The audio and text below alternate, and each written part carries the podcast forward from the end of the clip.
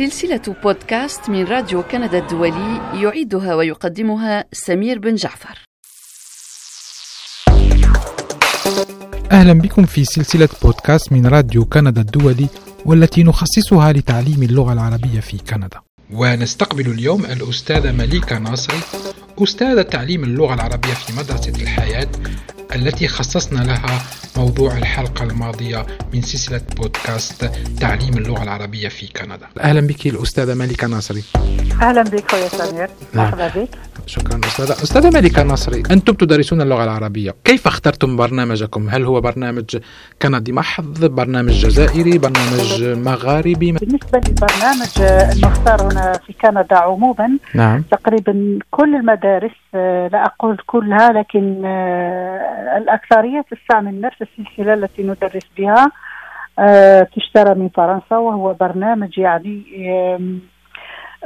يخدم الجالية يخدم الجالية العربية في بلاد المهجر. نعم. وتكون طبعا متقيدة بالعادات والتقاليد العربية ولكن في وسط غربي. نعم. دون المساس بالهوية ال- الهوية العربية لل- للأولاد أو للأبناء.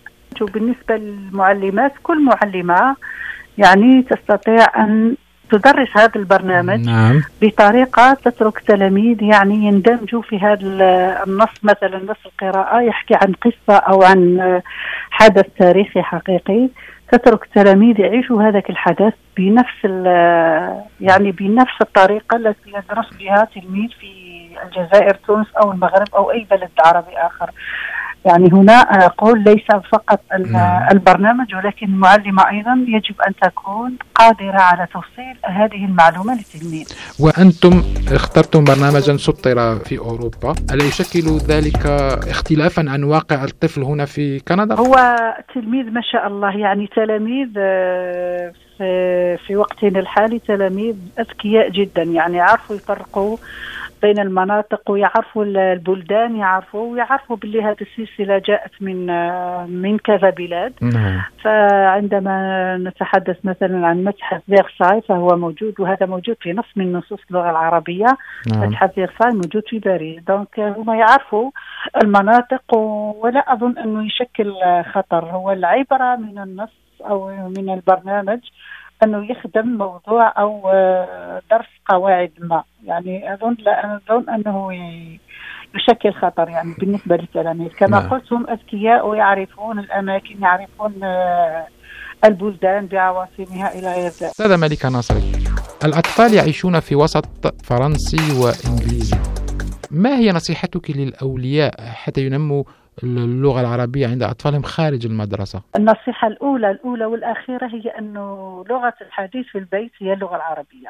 لما أقول اللغة العربية يعني الدارجة اللغة ال- الجزائرية أو المغربية أو التونسية في البيت أو لغة أخرى هي لغة التخاطب في البيت. ما كانش لغة ثانية.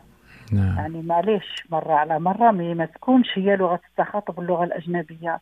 هذه اللغة الأجنبية الفرنسية أو الإنجليزية راح تكون آه يكون تعلمها أسهل بكثير في المدرسة في الشارع من التلفزيون من يعني من أشياء كثيرة. لكن اللغة العربية إذا خرج من من البيت ما كانش مكان آخر يتعلموا. أباغ هذه المدرسة يعني. حتى وإحنا عندنا مشكل في في المدرسة أنه يتكلم مع أصحابه باللغة الفرنسية. ما نعم. نحاولوا هكذا نعملوا حوار باللغة العربية. آه عندنا مشكل في في المفردات. مشكل في المفردات العربية. نعم. إحنا رانا نعملوا عليه إن شاء الله باش ننميو ال- الرصيد اللغوي للتلاميذ عن طريق التعبير الشفوي عن طريق الحديث عن طريق المحاورة في الأقسام. لكن يعني هذا يبقى مشكل عالق. آه، إن شاء الله نلقاو له حل لكن ما آه، بالنسبة والحل الوحيد تاعو هو ماشي بين الحلول والحل الأول هو أنه في البيت يتكلموا باللغة العربية مع أولادهم. أنا أحب الكلام باللغة العامية ولا اللغة الفرنسية في المدرسة. لأننا إذا صححنا معليش يتكلم باللغة ال- الدارجة وبعدها نصحح. آه، ساعات نقول للتلميذ عبر لي عن موضوع ما. يقول يتكلم لي اللغة الدارجه لكن في نفس الوقت هو يتكلم وإحنا نصحح. نعم. و- ونلقاو بعض التلاميذ يكونوا يتفاجئوا لأن بعض كلمات الدارجة هي نفسها كلمات لغة عربية فصحى. نعم. وهذا يعجبهم. هكذا أنا أحبذ يعني أحبذ عفوا شخصيا أنه يتكلم باللغة الدارجة العامية ولا يتكلم بالفرنسية. أستاذة ناصري أنتم خلال العام الدراسي الماضي كنتم تدرسون ثم جاءت أزمة جائحة كوفيد 19 كيف وصلتم التدريس؟ بحمد الله وعونه. يعني أتمنى أتمنى البرنامج آه، عن طريق الدروس عن بعد التدريس عن بعد. حاولنا تقسيم الأقسام خصوصا الأقسام يعني في السنوات الأولى السنة الأولى والتمهيدي قسمناهم إلى آه، أفواج. نعم. حتى تستطيع المعلمة التحكم في التلاميذ والحمد لله يعني هي أكيد أكيد طريقة التدريس مختلفة ونعتمد هنا آه، على الشفوي على الكلام أكثر أيضا القراءة نفس الشيء يعني ليس هناك اختلاف نعم. بالنسبة للتمارين وطرح وشرح الدرس نعم. فهذا يعتمد أيضا على الإمكانيات الإمكانيات التي تتوفر عليها المدرسة أو المعلمة لأنه إحنا كنا في شهر مارس يعني شهر مي مارس حبست الدراسة نعم. وكنا في سومان دوغلاش بعدها ما رجعناش الكوفيد لكن والحمد لله كل معلمة تصرفت فيما فيما عندها يعني واستعملنا الوسائل اللي عندنا في البيت وقرينا وكانت يعني ما شاء الله تجربة هائلة وممكن تعوض بالحصص أخرى اللي تكون عندنا بسبب عواصف ثلجية أو جليدية ما نقروهاش في المدرسة نقدروا نعوضوها عن بعد نعم. لكن هناك نقطة أيضا يجب الإشارة اليه إليها أنه الدرس لا يجب أن يتعدى ساعتين ونصف في هذه النقطة أيضا حبيت أركز على حضور المعلمة حضور المعلمة راح يكون هيبة تحاول والحضور تاعها قدام التلاميذ كأنها في القسم. يعني تفرض السيطرة على قسم على تلاميذها حتى ولو كانوا عن بعد. هناك قوانين يجب اتباعها. إذا كان كنت قدام الشاشة أمام المعلمة فلا يجب أن يعني رايح جاي على ما ينوض يعني ما يتحركش من مكانه حتى يكمل نعم. هذا يدخل في سيطرة المعلمة على على تلاميذها آخر سؤال أستاذة ناصري. الأطفال يتعلمون الكتابة والقراءة في القسم ممكن أن يذهبوا إلى إلى المنزل هناك تلفزيون هناك هل هل هل تنصحونهم بأمور خارجة عن الدراسة لتمكينهم من اللغة العربية مثلا متابعة برامج خاصة أو تطبيقات على على على لوحات إلكترونية؟ آه بالنسبة يعني قبل بالنسبة للتدريس التقليدي في القسم وكل شيء نعم كاين هناك آه تطبيقات بالنسبة للكبار أو الصغار. يعني كي نقول لك الصغار يعني من تحضيري سنة أولى ثانية ثالثة رابعة خامسة سادسة هادو آه يعتبروا كبار في المدرسة وعندهم خبرة. نعم. وهذه التطبيقات والبرامج والفيديوهات راح تكون مناسبة للسن. يعني كل معلمة تبحث عن هذه البرامج وهذه التطبيقات وتقدم الرابط للتلاميذ وهم يحوسوا عليه آه نعم. آه ويتبعوه في البيت. رانا حنكملوا آه عن بعد نبداو العام هذا عن بعد. وراح يكون نفس الشيء. راح يكون عندنا المعلمة هي اللي تبحث عليه.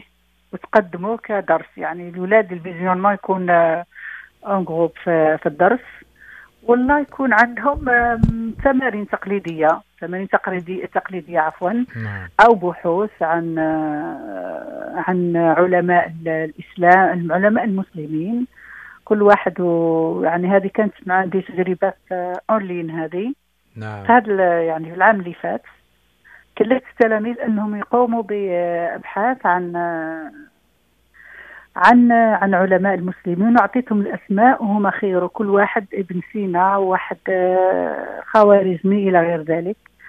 وحدة فيهم دارت لي PowerPoint على الخوارزمي وقالت لي معلمة لو كان ما كانش الخوارزمي ما حناش نديرو في ال Zoom دركا نعم. هو اللي دار les bases على الخوارزميات نعم. ال plateforme نعم. استاذه ناصري وكيف ترين مستقبل تدريس اللغة العربية هنا في كندا؟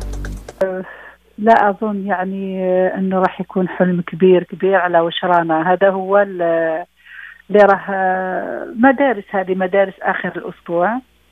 السبت أو الأحد والمدارس الأسبوعية الخاصة كما قلنا مدارس معروفة هنا في مونريال. يعني لو كملنا بهذه الطريقة وكان هناك اهتمام من طرف الأولياء ومن طرف التلاميذ راح يكون عندنا نتائج. طبعا راح يكون عندنا نتائج وكل ما تكون نتائج جيدة كل ما يكون الأحلام يعني نتطلع لأشياء أخرى. لكن بالنسبة لوقتنا الحالي أظن أننا في يعني في هذه هي يعني فرصة بالنسبة للأولياء هي فرصة أنهم يتعلموا اللغة العربية في هذا يعني في بلاد الغربة.